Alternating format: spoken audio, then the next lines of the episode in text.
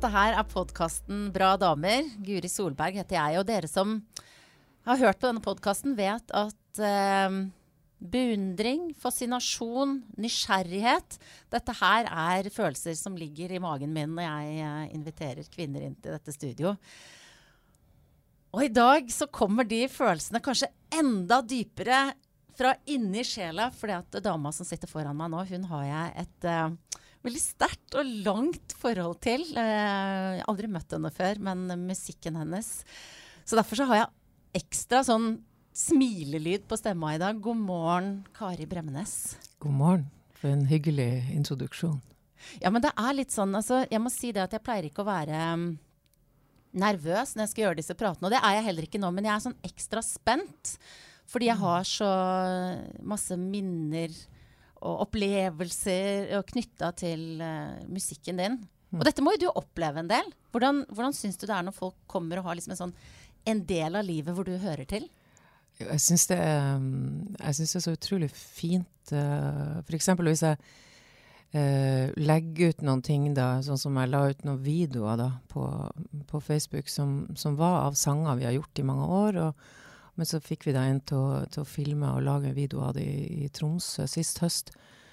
Tre ting. Og, og, det som jeg da får av folk tilbake Jeg får ofte historier, og de forteller liksom Å, jeg husker første gangen jeg hørte denne sangen, da sto jeg liksom på ferga mellom der og der. og og da hadde kjæresten min akkurat kjøpt kaffe til meg, og da var jeg liksom, skulle jeg på vei til en ny jobb. Eller, liksom, du får mange sånne historier eh, ut av en sang, da.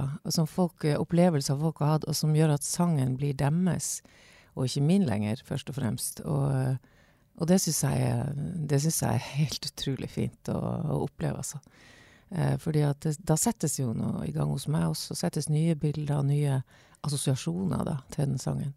Men at folk forbinder, har minner liksom, til da de hørte den, eller hvor de var hen, eller hva de tenkte, eller eh, Det er jo noe av det fineste, syns jeg, som jeg kan oppleve da, som artist. At at, eh, at en sang eh, kan, som får betydning for folk uh, i livene, altså der man er og de dagene de har, kan du ikke egentlig håpe på noe mer, altså.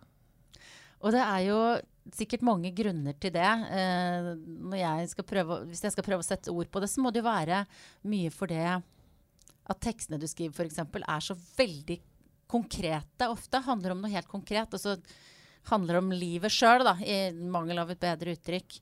Uh, og i ja, spennet der så ligger det veldig mye fint. Hvor, når var det du oppdaga at du fikk til den kunsten som det er, altså? Jeg, hadde, jeg har skrevet i grunnen uh, helt siden jeg var ganske lita. Og, uh, og så syns jeg det tar tid å finne, å finne en form, å finne, finne en måte å fortelle på. Men da jeg fant Eh, liksom, Da jeg lagde den første sangen min, 'Københavnerkneipet', så hadde jeg vært i København, jeg hadde truffet denne jenta. Og eh, det var et eller annet med henne som, som, jeg ikke klarte å, å få liksom bort fra, fra netthinna. Og jeg tror noe av det som virkelig tok tak i meg, det var at hun hadde så eksepsjonelt tynne fletter. Det var akkurat som de flettene var sånn det var sånn symbol på hvor dårlig det sto til, liksom. De var, de var helt sånn ufattelig tynne. Og, og, så, og, så, gikk jeg med sikkert et år, og så, og så tenkte jeg at kanskje jeg, skal, kanskje jeg, skal, prøve å skrive noe her. For jeg hadde ikke tenkt at jeg sjøl kunne skrive sanger. Men jeg hadde bare lyst til å skrive noe om den opplevelsen, fordi den var så ja, jeg, ble, jeg, tenkte at det var en måte å liksom øh, gjøre noe med den på, da. Uh, den ville meg nå, på en måte. Og da, og da, fant jeg også det at det å fortelle, hvis du klarer å fortelle noe litt sånn enkelt om hva som faktisk skjedde, så er det ofte sånn at folk uh, Du skal aldri undervurdere folk, egentlig. fordi at jeg tror mennesker liker å oppdage ting sjøl, og ikke bli fortalt hva de skal føle eller, eller, oppleve, men at de får en historie, og så kan de egentlig så kan den liksom holde på litt inni deres system, ikke sant. Mm. Så, så, da tenkte jeg det at, det at, jeg hadde truffet noe, da. Ja, og jeg har jo Fy søren, jeg kommer til å snakke mye om meg sjøl også her, merker jeg. For jeg, liksom, jeg, ser jo helt for meg den Københavner-knappa. Jeg har mitt bilde av hvordan det er, og vet hvor jeg satt når jeg hørte den uh, låta for første gang. Men, men, er det noen ganger du, du har en sånn idé, disse tynne flettene eller et menneskemøte, hvor du liksom hvor du ikke får til å få noe ut av det? Hvor du stopper? Hvor du strever? Ja, ja, ja. Absolutt. Eh, de der enkleste tingene kan du ta Du kan streve ganske mye med dem, fordi at eh, det gjelder å finne en inngang, da. En åpning. Uh, for eksempel også den sangen som heter 'Egentlig en danser'. Det er jo en, en sang om en drosjetur hjem fra byen. Og, og da var det en, en, stor mann som kjørte drosje, som var veldig taus. Og, og sa ingenting. Han virka nesten fiendtlig, og jeg tenkte bare kom meg ut av den bilen fortest mulig. Og så stoppa han utafor hos meg, og så, og så og plutselig så begynte han å fortelle um, at han hadde en uh, at han hadde reist ifra landet sitt Han var uh, antagelig afrikaner. Uh, fordi at han var en danser, og han hadde ei som han dansa med alltid. Og så hadde foreldrene ikke ville at de skulle være sammen mer, og så hadde flyttet, de hadde tatt henne med seg og flytta henne ut av langt ifra han. Han hadde ikke mulighet til å nå. Og etter det så sa han så klarte han ikke å danse mer, så nå hadde han kommet seg til Oslo, så kjørte han drosje. Og, det, og det liksom, den der historien ble bare fortalt på noen minutter. Jeg vet ikke hva som skjedde, men det, av og til så skjer det jo sånn at folk du vet at du bare skal treffe akkurat der og da, og ikke aldri mer igjen. Plutselig kan du jo egentlig åpne deg for ganske fremmede folk da. Mm. Uh, så det var, det var, det som skjedde. Og så og så kjørte han. Og, da, og, og, den historien tenkte jeg det her er jo Jeg gikk inn og skrev, det var i oktober. Jeg gikk bare inn og skrev datoen, og så skrev jeg drosje. Jeg tenkte at det her er Jeg vet ikke hva jeg skal gjøre med det. Og nå når jeg har skrevet sangen, så, så, så, ser jeg at den er ganske sånn enkelt fortalt og egentlig veldig rett frem. Men det var kjempevanskelig å komme dit. Det tok mange, mange runder med mange forskjellige måter å prøve å fortelle det på. For hva slags måter er det? Hvordan er det helt konkret? Altså, sitter du da liksom med papir som du krøller sammen og kaster og sånn? Eller hvordan ja. er prosessen din? Ja, det gjør jeg. Jeg sitter, og, jeg sitter og skriver og begynner på ting og tenker at den begynnelsen her er kanskje fin. Uh, men her har jeg nå lagt opp til et rim som jeg ikke får til uten at det blir kunstig. Uh, hva gjør jeg med det? Skal jeg begynne da på en ny uh, rytme? Um, skal jeg glemme den linja som jeg egentlig er ganske glad i? Skal jeg lage en rytme som gjør at jeg ikke trenger noe rim i neste? Skal jeg Altså tusen sånne valg hele tida. Så du må bare Altså, jeg må bare skrive og hive og skrive og hive. Det er liksom det, det, er det jeg må gjøre til og av og til så må du liksom kvitte ja, du, du, du, må miste ting som ikke Ja, som du egentlig hadde lyst til å ha med, men som ikke kommer inn i en form. Og noen ganger så, så, lager du en form for tidlig, da, sånn at du begynner på en rytme, du begynner på et beat. Og den, og den, blir, eh, og den fanger deg, så du kommer ikke ut av den. Du kommer ikke videre med sangen heller. Og da må du liksom brekke opp det. Så, så det er mange eh, veier til, til en sang, altså. Ja. Og det høres jo veldig, eh, veldig gøy ut, men så tenker jeg at det også kan være en litt sånn ensom prosess? Eller er det noen andre inni den bobla der sammen med deg? Nei, den, den er ensom. Den er kjempeensom. Men det er ganske gøy òg. Og særlig hvis jeg, hvis jeg, har noe som jeg vil fortelle og vet litt. Um, for det, det fineste syns jeg jo er hvis du har noen sånne konkrete ting å fortelle om som folk kanskje kan se for seg eller relatere seg til på en måte. Og så kan det si noe om noe større, kanskje. Um, men, uh, men, jeg syns Altså, jeg liker egentlig veldig godt den skriveprosessen. Jeg er veldig glad i det. Og, og jeg er òg veldig glad i å være alene, da. Så, eh, så, jeg er ikke redd for det. Jeg kan godt, eh, jeg kan godt ta de der eh, timene og ukene og månedene. altså helt konkret, altså, hvor lenge kan du være alene? Kan det være timer og måneder? Ja, altså, yourself? jeg er ikke en måned alene, det er ikke, men jeg kan absolutt være noen uker. Mm. Det kan jeg. Sånn f.eks. reise bort og være borte et par uker og være helt alene. Det kan jeg fint. Og så er jo også jobben din eh, veldig utadvendt i perioder hvor du er eh, rundt og, rundt og, spiller. Og det har du jo gjort liksom, kjempelenge. Jeg vet ikke helt når du spilte din første konsert. Det må jo ha vært på, på 70-tallet da, eller? Ja, det var vel um, Altså Ola og jeg, broren min og jeg, vi, vi starta jo Så vi hadde en del eh, konserter sammen, vise ting og sånn. Og det gjorde vi jo. Vi begynte jo allerede vi hadde, Jeg hadde ikke egen konsert med han da, men ja, den første konserten vi gjorde, var på Festspillene i Nord-Norge i Det må jo ha vært i kanskje 80, eller noe. Mm. Hva husker du fra den konserten? Og jeg husker at vi var, vi var forferdelig andektige og Og jeg tror vi var, så stive at du kunne ha eh, slått Du kunne banka teppa med oss. Jeg tror vi var skik skikkelig stive. Og, og, og, enormt godt forberedt. Vi, hadde, vi, visste alt vi skulle gjøre, alt vi skulle si. alt vi skulle, alt vi helt som en, Jeg følte meg som en liten sånn trekk-opp-dukke da jeg sto der. Jeg tenkte at uh, Ja, det var, det var vel mer nerver enn det var mer snakk om å komme seg gjennom det, ja. enn å liksom være så veldig til stede der og da. Når ja. er det det på en måte Eller jeg kan jo ikke vite noe om at det ikke er sånn du har det nå. Jeg har bare sett utenifra, Eh, så tenker jeg at sånn er du ikke nå. Eh, nei, stemmer det? Nei, jeg er ikke sånn. Og det har, det har sluppet, og det var veldig deilig. Et konkret sted, jeg prøver å huske hvilket år det var, men det, men det var en del år etterpå, da jeg hadde band. Det må ha vært på 90-tallet. Um, band kom til studenterhuset uh, uh, i Trondheim.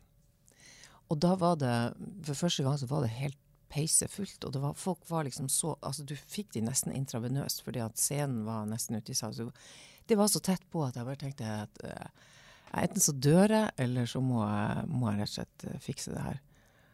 Og da, og da, hadde jeg den der følelsen da jeg bestemte meg for det her. Det her må du bare klare. Og, og på en måte heiv meg uti det og fikk kontakt. Og den der utrolig sterke opplevelsen det var. For det ble en sånn bevegelighet da, mellom oss på, på scenen og folk i salen. Så tenkte jeg åh, det går, det er mulig. Det, er, det, det var helt fantastisk. Og, og, noe av det som jeg tror gjorde det så bra, var det at da klarte jeg å glemme meg sjøl. For det hele hemmeligheten er at du må glemme deg sjøl. Du må ikke stå og tenke på hvordan du ser ut, eller skulle du tatt noen andre sko, eller skulle Du må ikke tenke på sånne ting. Altså, du, du, må gå helt inn i musikken, inn i sangene. Uh, har du glemt deg sjøl, så, så, er du kommet veldig langt på vei. Sånn er det for meg, i hvert fall. Det er som en deilig følelse. Ja, det er en, uh, så nå er det å, å, gå på scenen for meg, nå er det Her er følelsen av et fris, fristed, egentlig. Fordi at nå er det mye kortere vei for meg å komme dit òg, at jeg glemmer meg sjøl. For at jeg vet at det her er snakk om å høre på introen til den sangen, og så bare går du inn i det. Og det, det er en gave. Det er en velsignelse. Og så, så, går det ikke, så blir, en, så blir, det en sånn prestasjonsting. Mm. Og hvis det skal være et helt liv, så det, det tror jeg ikke jeg hadde orka. Men det er jo en kunst da å kunne fri seg fra det, for du er jo i en bransje og i en verden hvor ting vurderes og evalueres, og man fort kan være nettopp liksom det motsatte av fri og, og glemme seg selv. Eh, mm. Hva, er, hva, er, det som gjør at du klarer å hvert fall ha disse eh, øyeblikkene av frihet da, når du står på scenen? Det er nok um, Altså, det, det, hjelper jo veldig at du, at du, er forberedt. At du er mentalt forberedt. Du vet uh, um, du, du, Altså, jeg må kunne tingene mine uh, veldig godt. Og jeg må kunne det så godt at, uh, at, uh, at, det er helt greit at det kommer noe i veien, eller at det skjer noe, eller at jeg glemmer ei linje, eller at um, det skjer noe i salen, eller noe sånt. At du ikke får panikk, liksom, for det. og så er det den Det er vel sikkert i trening også, at du kan trene deg opp til å Uh, og en bevisstgjøring på at vi er her for musikken, vi er for disse sangene, vi er for disse fortellingene. Um, og ikke sånn som før, da jeg starta, så var det veldig sånn Og de, de, syns, de syns, sikkert at uh, ikke dette her er noe bra, og jeg burde sikkert ha vært en bedre sanger. jeg burde sikkert, Altså alle de tingene der. De har liksom sluppet De har egentlig sluppet taket veldig, altså. Og, og det er um, det er lang trening. Og, og, og, så bestemme seg for å ikke slippe inn noen sånne dårlige tanker. Og, så man klarer å liksom, jobbe med det, da. Du er jo et forbilde for uh, veldig mange, og er sikkert en ledestjerne for uh, unge artister som, uh, som, er helt nå i startgropa, der du var når du sto nervøs sammen med broren din tidlig på 80-tallet. Um, hvor ofte blir du spurt om råd? Jeg blir spurt en del, og det er noen som også vil eh, på komme og kanskje ha noen timer eller noe sånt. Det er jeg egentlig ikke så glad i. Jeg er ikke så glad i den lærerrollen, faktisk. Um, så, men, men, men, et enkelt råd sånn, uh, det kan jeg godt gi. og høre på ting og sånn, det, det, kan jeg gjøre. Men, uh, Men hvor mange råd øh, Altså, ikke sant, jeg kan jo egentlig bare snakke for øh, for hva jeg har gjort, og snakke om den veien jeg har gått. Men det var jo også Jeg starta jo i en annen tid. Mm. Og, og, det var nok sikkert også lettere på en måte å bygge opp et publikum. Fordi at det var ikke så mange arenaer. ikke sant? Nå er det utrolig mange plattformer, mange, mange steder, mange og, og, det er vel også sånn at uh, folk uh, var mer Altså, nå er man mer sånn uh, spesifisert hva du liker. Du er med i den gruppen, den gjengen liker det, den gjengen liker det. De hører ikke på det, de ser ikke på det. før var jo Norge mer sånn homogent. At du egentlig hadde mye mer sånn felles referanseramme, og du hadde litt mer usortert, da.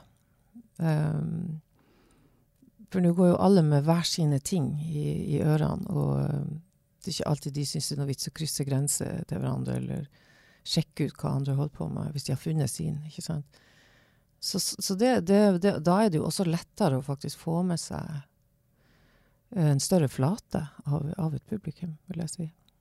Men hvis du hadde starta nå, mm. på hvilken måte ville det gjort karrieren din annerledes? Det er jo sånn som nå, for eksempel, så er det jo sånn at du um, Du kan jo ikke Etter hvert som du blir etablert, så kan du Ja, noen av de der veldig store kan jo leve av, av inntekter på innspilling og sånn, men, men, det er jo konserter du kan leve av da. Men det som jeg jo i hvert fall hele tida, det var det at jeg hadde jobb til jeg torde å slippe tak i det. For det hadde jeg også jobba med jobba med musikk på sida, men, men, jeg hadde liksom Det var ikke sånn at jeg heiv meg i det fra jeg var 18 år og liksom det her må jeg bare fikse og sånn. Det, det, tror jeg ikke hadde funka for meg. Så jeg tror du må liksom lodde stemninga litt. Du må, du må, bli litt kjent med deg sjøl. Du må vite hvor du hvor du liksom syns du får kontakt, og så må man uh, forsøke å, å, å, finne de kanalene der du kan treffe noen som kan like musikken din, da, på en eller annen måte. Det er, jo, det er jo mange muligheter, men det er jo også litt sånn sikkert litt sånn overveldende mange muligheter. ikke sant? Mm. Hvor, hvor, begynner du? og hvor Man må jeg tror man må begynne der man er. altså. Begynne med jobbe med folk rundt seg. Utvide litt. Uh, dra til nabobygda og spille der. Så prøve å Jeg vet ikke. Det er vanskelig å si. Mm. Men du, dette valget som du beskriver på et eller annet tidspunkt hvor du da ikke kasta deg ut i det, men tenkte at nå skulle du satse på musikken fordi du hadde hatt jobb da ved siden av. Eh, hva var det som gjorde at du da bestemte deg for at eh, nå kjører du på? Ja, det var flere ting. Det, var, um, det ene var det at jeg hadde fått uh, Da jobba jeg i Aftenposten. Og da hadde jeg fått barn. Um, og eh, nettopp fått ei datter. Jeg hadde en sønn fra før, fire år eldre. Og jeg så at hvis jeg skulle gjøre noe med musikk, så, eh, så var det ikke kjangs med full jobb i avis. I tillegg så hadde jeg jo en diagnose. Um, en kreftdiagnose, lymfekreft. Og, og den gjorde jo at jeg skjønte at du er nødt til å gjøre noen bevisste valg her i forhold til hva du vil bruke den tida du måtte ha igjen til. Uh, og det gjorde at tingene ble ganske tydelige for meg. At, uh, at også hadde jeg en, en, mann som støtta meg veldig, og, og var veldig uh, viktig da, for at jeg kunne ta det. Hadde muligheten til å ta det. til å ta det valget. Så de faktorene sammen gjorde at, at jeg tok det valget. Og det er jo ganske sånne alvorlige eh, ting som ligger i bunn, da. Når du på en måte bestemmer deg for at uh, det er her og nå, nå må jeg bruke, bruke, den tiden jeg har, som du sier. Um, opplevde du det som en lettelse? Eller altså, hvordan var den følelsen når du da hadde bestemt deg? Jeg følte at det var helt rett. Uh, jeg, jeg, hadde, jeg, sto i en enorm sånn tvilsrunde. Og, og, da var det jo sånn at du, du skal si opp Altså Aftenposten, da å jobbe i Aftenposten, det var jo en drøm. Det var jeg kunne egentlig gjøre det jeg ville, altså treffe og skrive og jobbe med feature og portretter. Og, og hadde fantastiske kolleger. Og jeg var, jeg elska jo den jobben.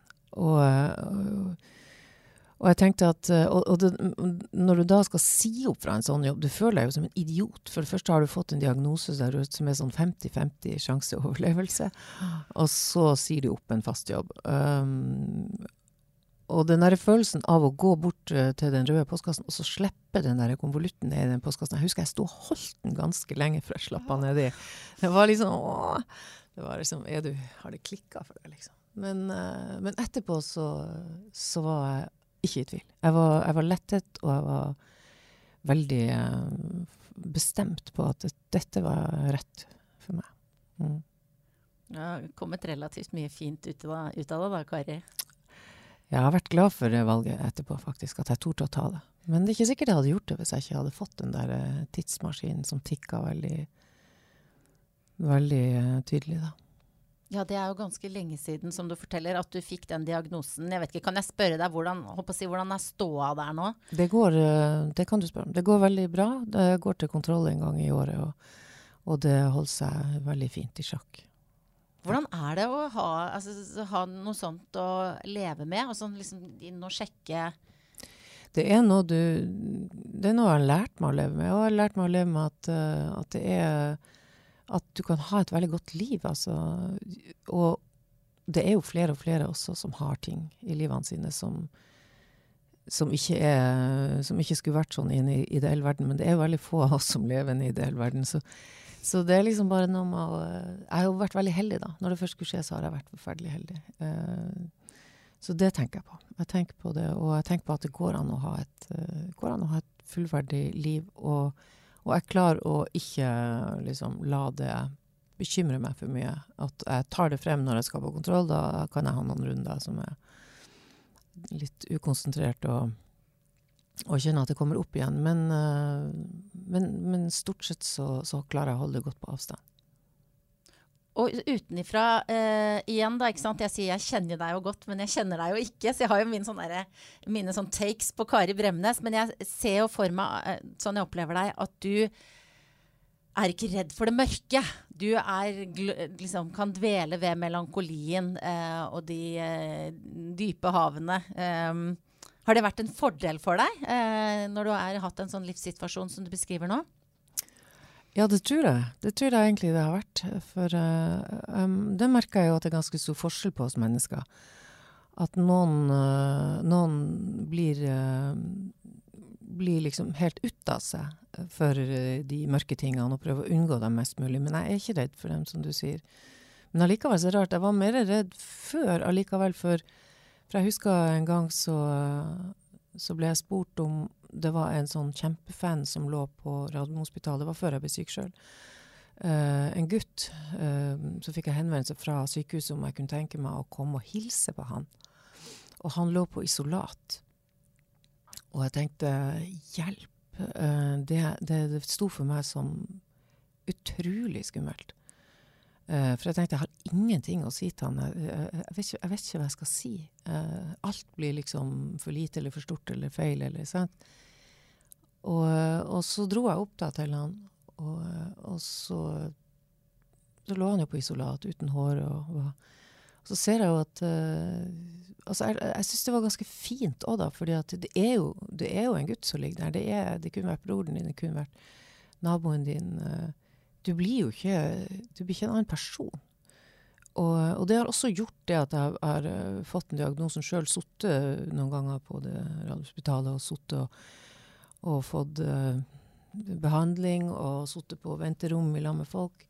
Det har gjort at, uh, at, jeg er ikke så redd for det. fordi at det er ikke farlig. Altså, jeg er ikke redd for å snakke om det, jeg er ikke redd for å si feile ting.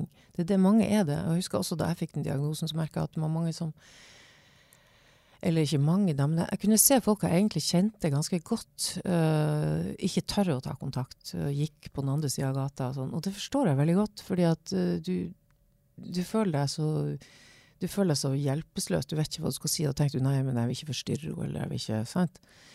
Men det, det, skal vi, det tror jeg ikke vi skal være så redd for. Vi skal, vi skal ikke være så redd for å forstyrre hverandre. Vi skal, vi skal forstyrre hverandre mer. Det er egentlig fin livsvisdom. Mm. For det er, det er, jo veldig mange som beskriver den avstanden ja. der, mm. enten når man har mista noen eller er syk, at det er en måte redselen for å trø feil. Mm. Men opplever du, enten om det dreier seg om det at du er syk, da, men det at du er Kari Bremnes, at, altså, opplever du at folk kan trå deg for nære? Sånn generelt, tenker du? Ja. Det er faktisk sånn at uh, det er veldig sjelden det skjer. Uh, jeg syns at jeg har uh, Altså, det, det, det, kan komme folk bort, og jeg kan få brev og sånn, men, men det er veldig sjelden at jeg syns at noen liksom er invaderende eller innpåsliten, eller Jeg syns det er overraskende mye sånn, sånn hyggelige måter å, å møte meg på. Og og at folk har en sånn taktfullhet, rett og slett. Som eh, det, må jeg virkelig si at det Nå er jeg jo ikke veldig mye ute på byen og, og sånn, og spesielt ikke i den der eh, kanskje brønnestida var jeg så veldig mye ute på byen. men, så at jeg har sluppet de der. Men eh, nei, nei, jeg har ikke Jeg opplever ikke at folk faktisk bare durer på. Veldig sjelden. Det morsomme er, du skulle bare visst jeg var Du har jo nevnt brødrene dine. Og jeg satt ved Altså, eh, din bror Ola. Eh, mm. jeg satt ved siden av han på en 60-årsdag. Og da var jeg starstruck. Fordi jeg satt Da følte jeg da var jeg ett skritt unna ett skritt unna Kari. Så, så, da er det liksom sånn Da følte jeg da var liksom starstruckness i andre potens, eller et eller annet sånn. Så jeg rykker stadig nærmere, da. Ja. Sa du det til han? Uh, nja, ja, nei, jeg gjorde ikke det.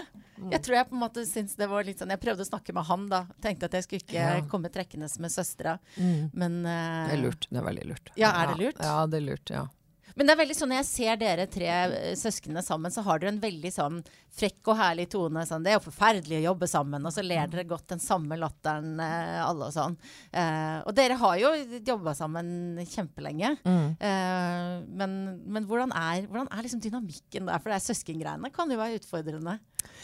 Ja, men uh, der har jeg hatt utrolig flaks igjen. Fordi at uh, de er mine beste venner, de der uh, to brødrene mine. De er rett og slett det, det, er veldig lett å samarbeide med de. Um, og så er det jo ganske godt å synge med noen som du føler liksom at, at, når de tre stemmene våre møtes, så det er akkurat som vi får en Unnskyld. Så det er akkurat som vi får en Altså at de blir en egen stemme, de stemmene. At de, at, uh, sånn at vi får liksom et, et, instrument vi ikke har ellers, når vi synger i lag.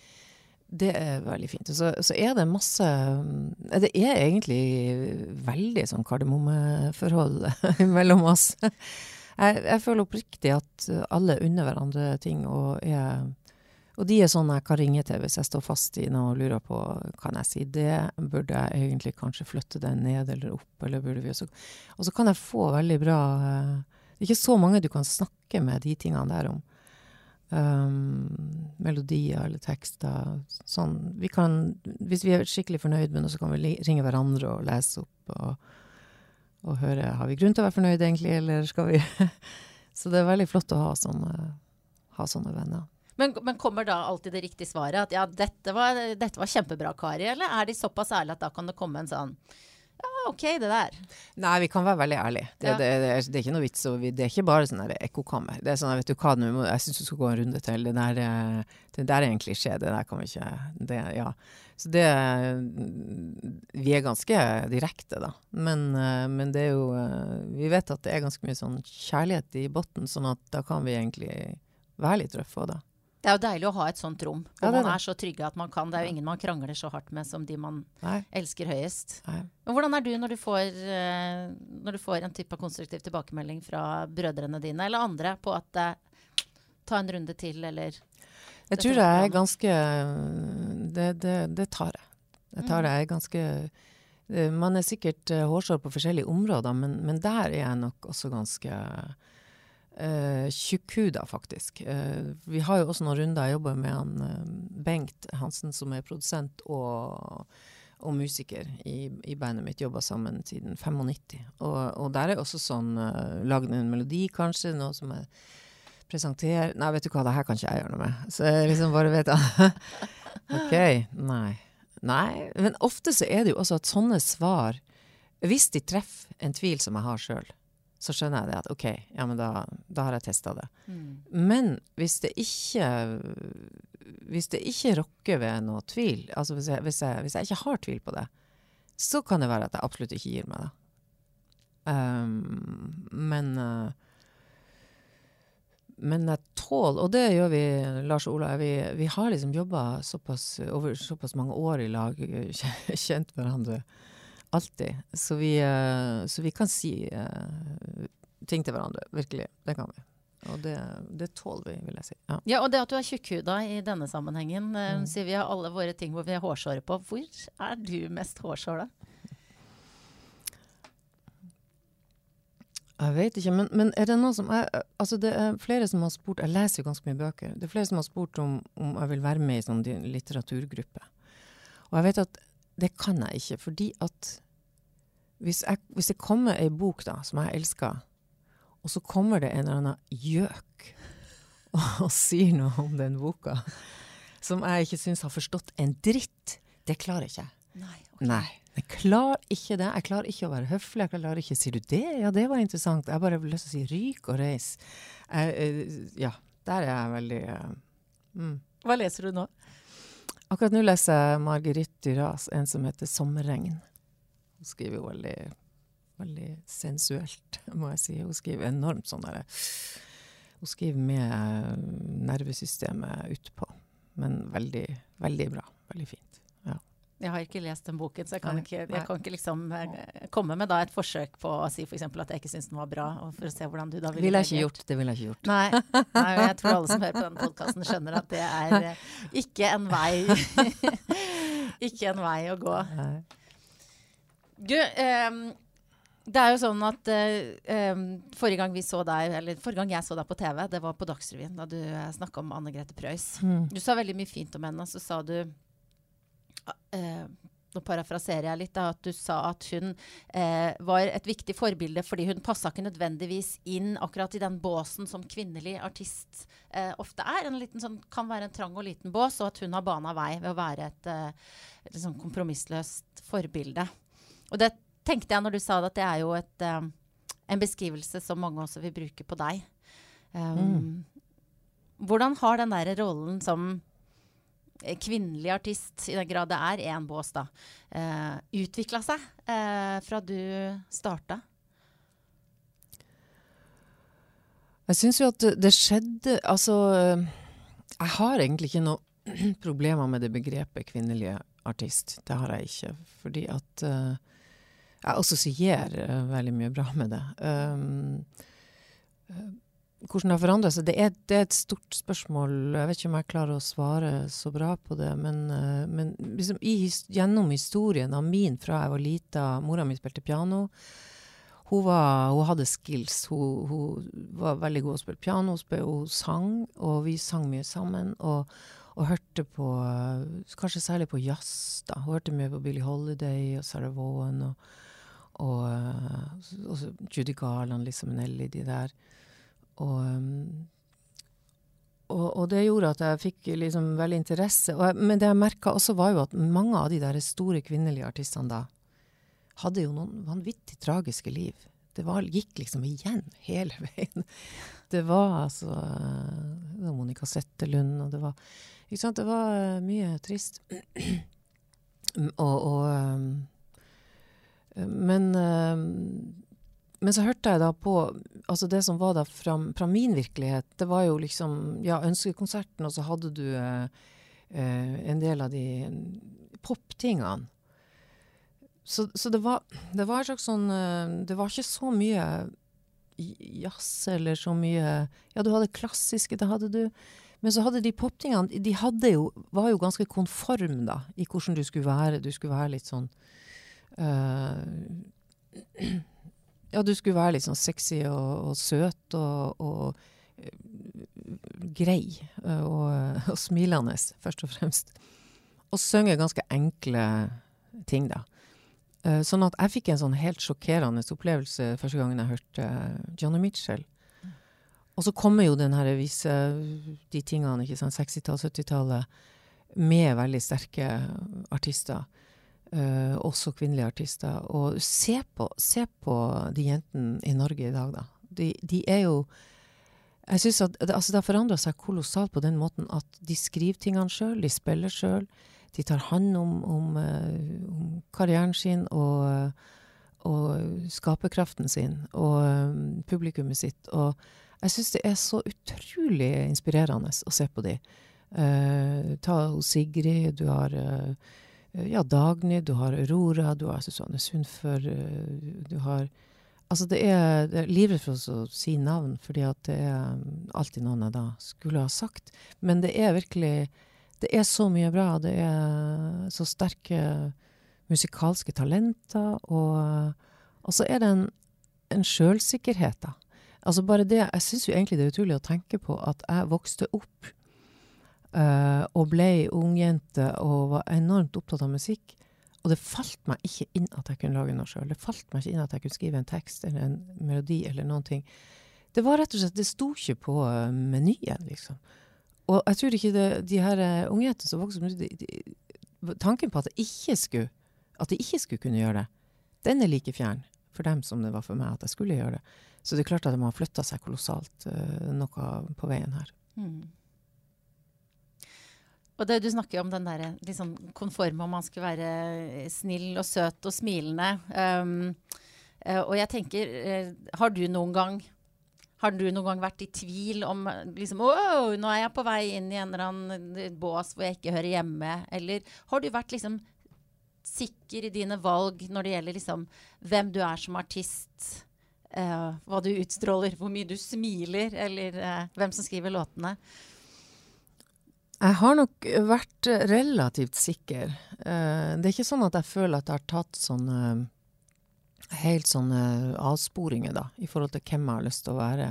Det er mulig du, ja, du husker noe som jeg har glemt, nei, som, jeg, som jeg, har fortrengt. Den ene gangen på Det kan godt hende. Det betyr ikke at jeg har liksom holdt min sti fullstendig rein sikkert hele veien heller, men, men jeg, har, jeg, har, alltid gått etter en, navigert etter en sånn der uh, magefølelse på det.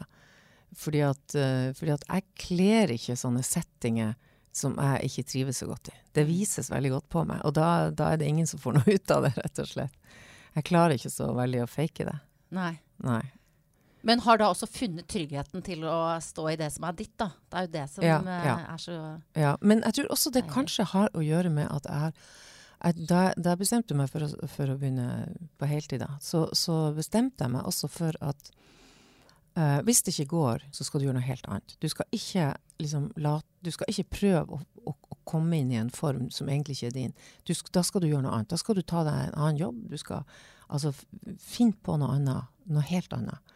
Så det lovte jeg meg. Og det, det, har jeg som en slags sånn, egentlig litt sånn frihetsgreie. Jeg kan, jeg kan ja, hvis f.eks. ikke ikke har et eh, stort publikum lenger, og, og ikke kan reise noe på turneer og sånne ting, gjør noe annet, liksom. Det er ikke, ikke kompromiss med ikke kompromiss med noe som du tror på. fordi at uh, hvis, du, hvis, du, begynner med det, så vet du jo ikke egentlig hvem du er sjøl. Du, vet ikke, du vet ikke hvorfor du holder på. Du, ikke, du, du navigerer etter noe utenfra. Og da, da, blir det litt dårlig navigasjonssystem, tror jeg. Men har det der noe annet vært noe konkret, eller er det mer sånn at da skulle du ha funnet ut av det? Men jeg tenkte da skulle jeg ha funnet ut av det, og det, da har jeg tenkt at det, det skal jeg klare. Da kan jeg f.eks. selge huset mitt her. Så har jeg et bitte lite gammelt nordlandshus i nord. Uh, som ikke koster så mye å bo i. Og så kan jeg sette poteter der, og så kan jeg, kan jeg fiske i fjorden. Så skal jeg klare meg. Ja. Da vet vi hva som skjer. Jeg har en backup. Hvis jeg plutselig bor der. Ja. ja. Men det blir, ikke, det, det blir, ikke, denne uka, for å si det sånn. For Nei, det stadig, nå, nå, skal du da om et par uker til Bergen og motta eh, Medåsprisen. Ja. Var, det sto, jeg tror det var Lofotposten som sto det 'Nok en pris til Kari Bremnes'. Ja. Det var nesten sånn. Da ble det enda en pris. Så det er, ikke sant, det er jo Selv om du drives av en eh, altså sånn kompromissløshet, du er fri deg sjøl, så er det jo disse her ytre ytre eh, tegnene på at det går ganske ålreit. Dukker opp ja. eh, stadig vekk med priser og fulle konserthus og sånn. Hva, ja. En sånn pris som du nå skal ta imot, hvor, hva betyr det for deg? Jeg blir kjempeglad for den. Jeg blir, jeg blir virkelig ordentlig glad for den. Det er Ivar Medos han var jo en, en, fyr som på en måte var i Han var jo i Ønskekonserten og i min barndom. og, og um, han var vel I ungdomstida syns jeg vel det var kanskje litt sånn corny. Men, uh, men, det er ganske artig å høre på å høre de tingene han gjorde i dag også. Det er ganske fine ting, faktisk. Og, og um, når de spiller 'Da kjem dampen', så er det opp med radioen. Ja, den er jo, for den kan man jo synge liksom, og le litt, men den er jo en nydelig melodi. Ja, det er helt nydelig. Ja. Veldig, veldig fin. Og du ser båten kommer, ikke sant. Du bare ser at Ja. Nei, jeg syns det er veldig fint. Jeg syns det er kjempe eh, Jeg blir ikke blasert i forhold til å få priser. Jeg blir litt sånn skamfull. eh, jeg tenker at nå har jeg fått så mange priser, nå må jeg ikke få flere priser. fordi at det, det det, det må noen andre få, må få pris. Men heldigvis er det jo mange andre som får priser også. Men jeg blir veldig glad for dem. Ja. Mm. Eh, Det, det er ikke mer komplisert enn det. Jeg spurte deg på forhånd, um, som jeg gjør med alle gjestene mine, å, om du kunne ta med deg et eller annet Mm. som sier noe om hvem du er. Mm. Hvor vanskelig har det vært å komme fram til noe? Det har ikke vært så vanskelig. Nei? Skal jeg ta det frem? Ja, gjør gjerne det. Fra din sorte Altså, ja. veske da, Nå skal det ikke se ut som altså, altså, Det her skal ikke være noe sånn merkegreier. Så navnet på dette her er kanskje ikke så viktig. Men, men det er liksom selve det det er. Det er ei parfymeflaske som det er veldig lite igjen på. Og det sier noe om at jeg er veldig opptatt av duft. Jeg er opptatt av duft, og um, fordi at uh, mye av de sangene mine, de er Altså, når jeg skriver, så skriver jeg For eksempel, så jeg må ha det rundt meg i et rom. Jeg må ha det sånn at jeg føler jeg kan liksom slappe av. Jeg kan uh, puste fritt og, og ha det liksom fint rundt meg. Og det må gjerne lukte litt godt der. Være blomster eller noe sånt. Og det betyr, altså, jeg må ha en kontakt med en slags sånn sanseverden. Ja. Og det, og det er duft for meg. Parfyme er, er det. Og nå likte jeg den her veldig godt, for den heter Tuberøs kriminell, og det syns jeg er sånn eh, det er sånt, eh, Den lukter egentlig ganske Kan jeg lukte på den? Ja, du kommer ikke til å synes den lukter godt. Tror du ikke det? Nei, for den gjør ikke det med det samme. Men to timer etter. Da er den ganske kraftig, da. Den er det, og, den er, og det som er fascinerende med sånn ordentlig gode parfymer som er liksom lagd av, av ekte oljer og ekte organiske ting, de, er- altså, de, de er jo bygd opp Parfymer er bygd opp av akkord. Altså, du kaller det for en akkord. Ja, ja. Og så har du toppnote, så har du midtnote, og så har du bunnnote. Da. Så toppnote er det aller første. Og så midtnote er liksom det som på en måte um, blir kanskje selve hjertet, eller kan også kalle det for hjertenote. Og så har du bunnnote som gir det tyngde, og som gjør om hvor lenge det varer. Da. Og, en, og en god duft kan jo vare i 24 timer. Men den utvikler, den utvikler seg sånn at du liksom Du kjenner forskjellige Akkurat som når en skifter akkorder underveis. da. Fordi at uh, de, de, de forskjellige duftene får uh, fremtredende plasser ettersom tida går. da. Fantastisk. Sånn at jeg ser for meg deg nå altså? Du reiser jo eh, mye, både i Norge og over hele verden. Spiller. Er du, er det da på er det taxfree-avdelingen, eller er det litt for lusent for deg? Jeg syns taxfree ofte kan bli, lukte veldig skarpt og bli veldig sånn uh, kommersielt. Så jeg er ikke så glad i eh, det, det, det, det lenge mellom meg syns jeg finner noe godt på taxfree. Mm. Men eh, jeg ser for meg uh, i Litt- eh, litt sånn nisjebutikker, ja. Ligger nede i en sånn liten uh, parisisk uh, butikk med noe eh, Ja. eksklusive saker. Der finner jeg deg. Ja, der finner du meg. Jeg bruker å sjekke når vi skal dra for eksempel til, til Berlin eller noe sånt, så vet jeg å, der har de en sånn bitte liten butikk som har liksom akkurat den. Så da kan jeg dra dit. Det høres ut som en Kari Bremnes-sang. Har du skrevet en sang om dette noen gang? Nei, kanskje jeg skal gjøre det. Ja, det var veldig det var et lite univers som jeg så for meg, eh, så for meg der nå. Mm. Jeg har um, også en annen fast ting. Det er at jeg alltid har sånne tre ganske kjappe spørsmål som jeg stiller alle gjestene mine. Mhm. Og det ene er, nå er jo klokka sånn, vi er vel kommet på formiddagen, men det ene er hva spiste du til frokost i dag? Jeg spiste mango og brødskive med brunost. Å, for en herlig kombinasjon. er, du liksom, er du et morgenmenneske? Uh, ja, jeg er veldig glad i morgenen. Mm. Hva er viktig, hva må til, da, bortsett fra mango og brunostskive, for at det skal bli en bra morgen? En kjempestor kopp te. Uh, gjerne sånn der eh, skikkelig sånn krydra te. Sånn med svart pepper og litt sånn. Og så med melk i. Så jeg har en stor kopp. Det, det er liksom morgen for meg. Og det, da kan den godt vare lenge. Da kan det godt gå lenge til frokost. Hvor lang tid brukte du på å finne ut hva du skulle ha på deg i dag? Uh, tre minutter, faktisk. Svartkledd uh, i dag som vel ganske mange andre dager. Ja.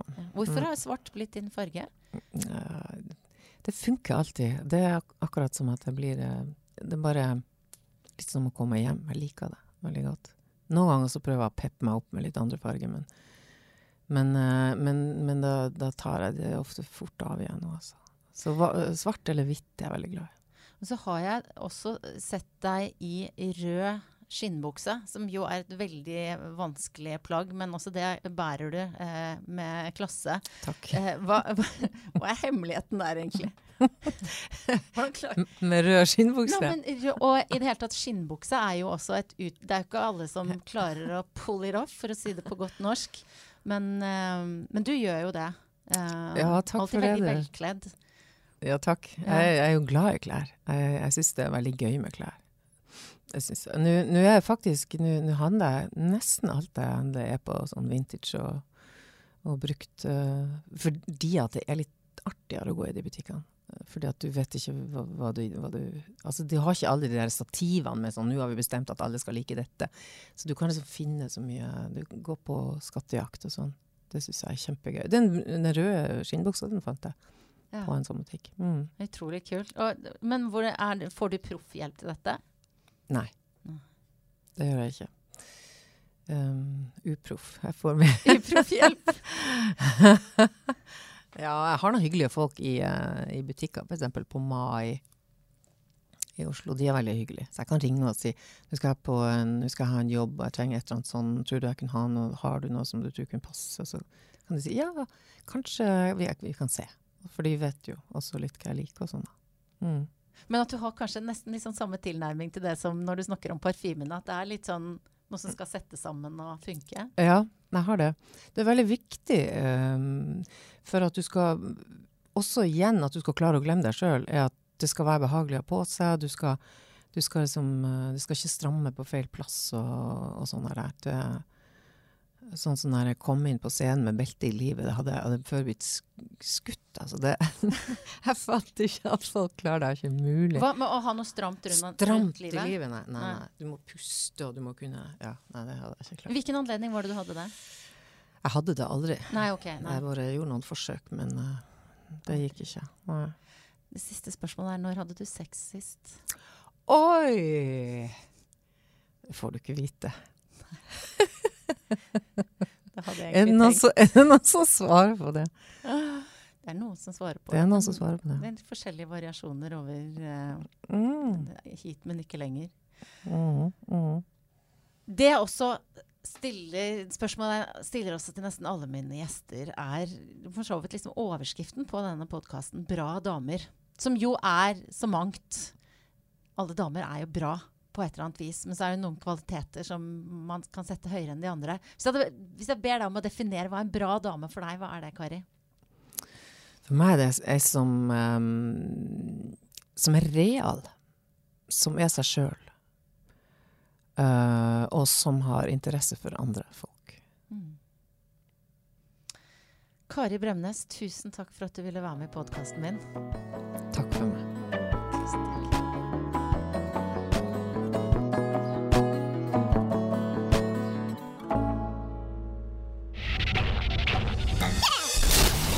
Master.